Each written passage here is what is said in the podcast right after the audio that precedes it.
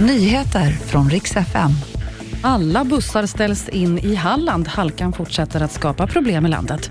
Och Nimbus 2000, alltså Harry Potters kvast, den har fått en ny ägare.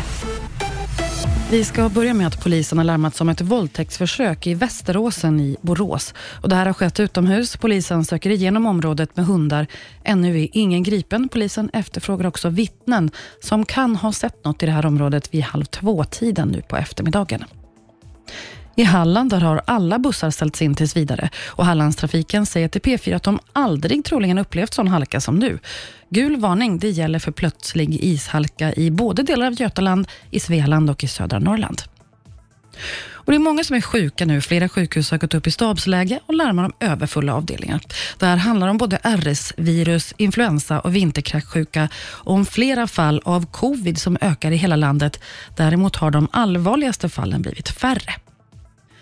Och Harry Potters kvast, ja, det var bara en av alla godbitar som såldes på en auktion i Beverly Hills i helgen.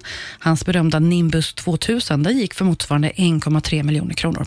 Här såldes också bland annat hammaren från filmen Tor. Och den allra dyraste det blev en robotdocka från filmen E.T. Och den lyckliga ägaren som ropade hem den lilla rymdvarelsen fick betala motsvarande 27 miljoner kronor. Det var nyheterna. Jag heter Maria Granström.